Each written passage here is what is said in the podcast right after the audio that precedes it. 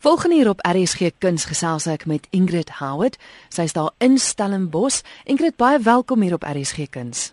Baie dankie Christelle se voorreg. Jy is 'n baie besige vrou. Ons gaan oor 'n hele paar dinge gesels. Eerstens die Drostdy Theater. Dis 'n teater wat sommer net nou die dag sy deure eers oopgemaak het. Ja, ek moet sê, uh, dis 'n heerlikheid. Stellenbosch uh, was nog altyd die mekka van kunste. En uh, ons het net gevoel daar's 'n behoefte. Al die teaters wat hier is werk heerlik saam ons vir mekaar aan. En ehm um, dis geleë in 'n ou die Drostdy Hotel wat sommige van die studente wat nou al sekerlik 'n ruk terug in Stellenbosch was kan onthou. Die hotel ehm um, is naderhand 'n gedeelte van afgebreek, maar die gedeelte wat agtergebly het, het hom toe nou heeltemal goed geleen vir die teater. Hulle sê vir my daar's 'n paar spooke wat daar rondloop so. Ja, dit was dit in die ou Drostdy Hotel. Ehm um, oopgemaak het 2de Maart hierdie jaar. Jy het aan my genoem dat die hele doel met die teater is ook om om die kunste en die kunstenaars weer bietjie spesiaal te laat voel. Omdat dit nou geleë is in so 'n verskriklike mooi ou gebou met 'n ou Victoriaanse trap wat opgaan, het ons so bietjie nostalgie bygebring en die ruimte met twee trappe wat die kunstenaars agter kan ingaan en ehm um, hulle eie agterverhoog area het. Ehm um, ja, het ons so 'n bietjie spesiaal gemaak. Dat die kunstenaars, jy weet, hulle spandeer omtrent seker 70% van 'n vertoondag backstage. Ehm um, so ons het dit gerieflik gemaak en dit vir die kunstenaars mooi gemaak en dan ja, die teater moet klanke beligting moet op standaard wees. Uh, gewone teaters nie klanke beligting nie. Jy moet dit inhuur. So Anu Smit het bygekom en hy het klanke beligting. So hy is ons uh, tegniese vernoot by die teater. So, ja, ons wil dit regtig net sommer 'n butiek teater gemaak het waar die kunstenaar en die gaste wat kom bietjie spesiaal kan voel. Het jy 'n gereelde uitvoerings daar? Omdat ons nou net begin het, ons het afgeskop met die woordfees en dit was heerlik. Ehm um, en toe nou na die woordfees het ons meer musiekproduksies. Ons het nou al so 6, 7 produksies per maand.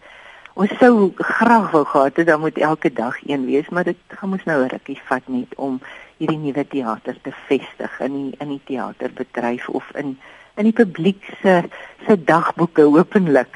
So ehm um, Ja, ons sal dit graag wil opstoot laat sodat ons dramas ook kan akkommodeer, maar vir die oomblik het ons so 6, 7 produksies en moet net op ons webwerf gaan kyk.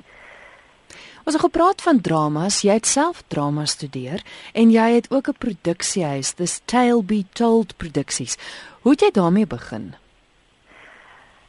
Ehm um, ja, drama, dit voel vir my 700 jaar terug want dit is iets wat in jou bloed bly. Ja. Weet ek het kinders groot gemaak en ek het skool gehou en ek het by 'n museum gewerk en maar drama was maar altyd half deel van jou lewe. Jy het gou-gou produksie afgerig of mense het 'n regie gedoen by 'n plek en toe ons in Stellenbosch toe trek, toe uh, is dit my beroep.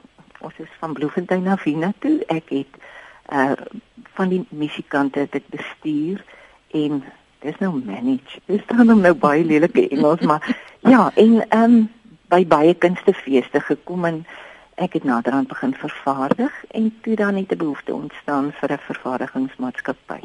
So ek Toby Tout, ek is baie lief vir geskiedenis. So die meeste van my produksies, ek het nou al stukke self geskryf en die regie self gedoen. Toby Tout is regtig stories wat vertel word van van diep menslike goed uh, wat ek so 'n bietjie gaan grawe in die geskiedenis vir inspirasie.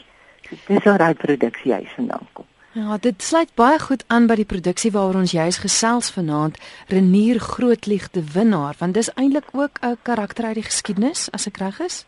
Ja, weet jy, uh, Renier is net 'n ongelooflike karakter. Ek het op Allewal groot geword. My ma het altyd vertel van hierdie interessante storieverteller wat hier rondom die ehm um, huis hier in die 1800s is hy oorlede maar in Jastron gebly het. En lyk vir my hy het 'n hele storie vertel kultuur in die Vrystaat begin wat eintlik ongelooflik is. Die mense het dit oor en oor vertel. Ek het dit probeer sien in die konteks van die tyd.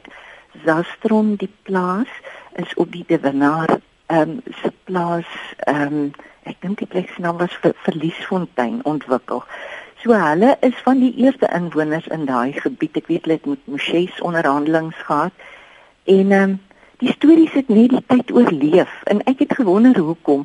Dit is so 'n bietjie dat hy eh, 'n uh, superheld is. Hy hy vertel sulke Spider-Man, Superman stories wat hy groter is, lewensgrootte en sterker as die sterkste mens is en dat hy in die duiwel in 'n geveg was en die gat in Zastron se berg het hy daarin geslaan met sy vreeslike reusagtige vuis. Mens kan gaan kyk, daai gat sit nog daar sê hy.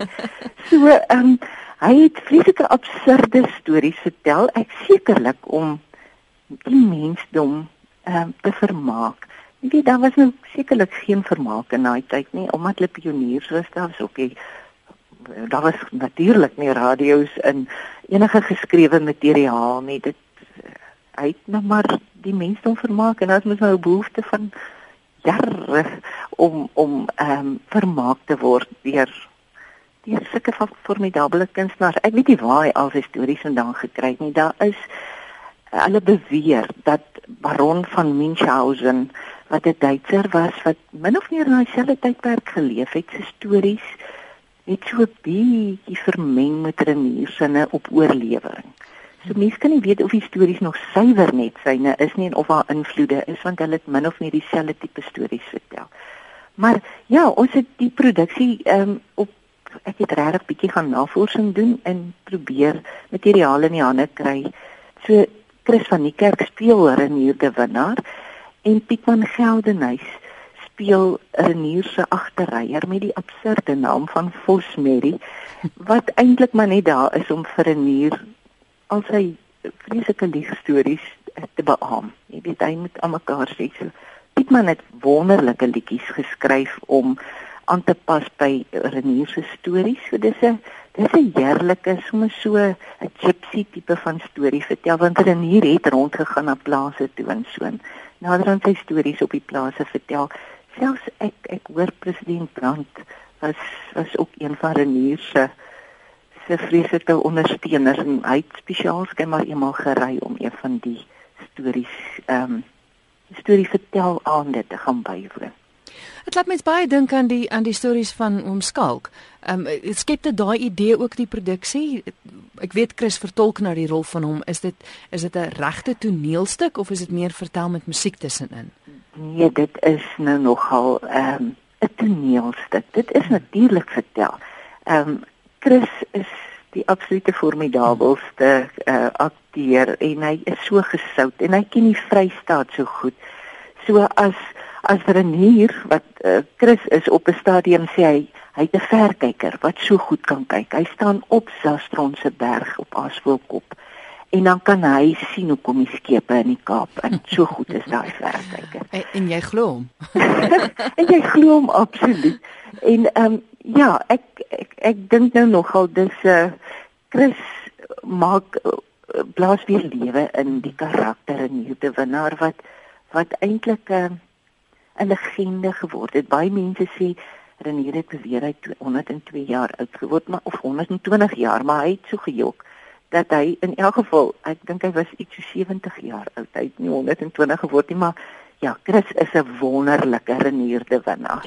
So Renierde winnaar word absoluut lewendig. En sien en dis maar die wonderlike van die produksie is want uh, dis 'n karakter wat ek nie geken het nie. Ek het nie geweet daar het 'n Renier grootliefde winnaar geleef nie. Uh, Ja, ek ek dink nou nogal om 'n spieël op te hou vir 'n nier is is hierdie Vosmerrie karakter wat Pietman Geldenhuys nou vertolk.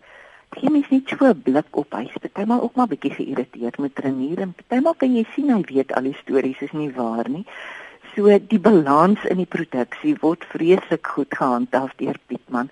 Ehm um, Pietman is ook bekend as hy daai die skot mm. wat uh, Pieter Mitchell is en en sy talent ken ook geen perke nie. Pieter Mitchell het al met Bob van Blerk getoer en hy's net so goeie akteur so uit die aard van die saak. Ehm um, staan hy ook sy skoene absoluut vol langs Chris en dan het hy ehm um, elke storie gevat, dit gaan bedink en dan werklik fantastiese musiek geskryf. So daar's nou 'n afwisseling tussen storie vertel en in plaas van om net op 'n storie manier 'n uh, kommentaar te lewer op Renier se se stories doen hy dit met musiek wat wat regtig die produksie baie spesiaal maak. Ingrid, die produksie was nou die eerste keer te sien gewees by die Woordfees, maar julle is nou op pad na twee feeste toe. Ja, in die bos en die Vrystaatsfees wat nou die ou Vryfees was in Bloemfontein. Hoe gaan luisteraars met hulle maar net op die op die onderskeie webwerwe ingaan om te sien waar ja. jy waar en wanneer te sien is? By in die bos is ons by die Boma teater. In die bos het hier by die Woordfees die produksie kom bywoon en dit hulle ons uitgenooi. Ehm um, die Boma kuier teater lyk vir my is sommer so 'n wonderlike kuierplek wat mense gratis kan inloop en enige produksie kan kom bekyk is meer storie vertel produksies en dit gebeur op die 1ste, die 3de en die 4de Julie en um, ek dink hulle kan op by Computicket kan hulle kaartjies bespreek. En Ingrid as luisteraars meer oor die Drostad Theater sou wou weet, ek weet julle het 'n pragtige webwerf. Ek het gisterand na hom gaan kyk. Wat is die webwerf?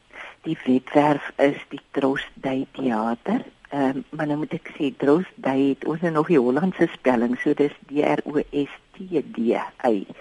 So hulle kan net uh, Google Dros Day Theater en dan is al ons produksies daarop en daar's 'n bietjie van die geskiedenis daarop en daar's foto's van hoe die hoe die ou hotel gelyk het. Daar sou dit sommer net so interessant uit en kom eh uh, woonproduksies by dis regtig 'n belewenis ehm uh, in hierdie ou gebou.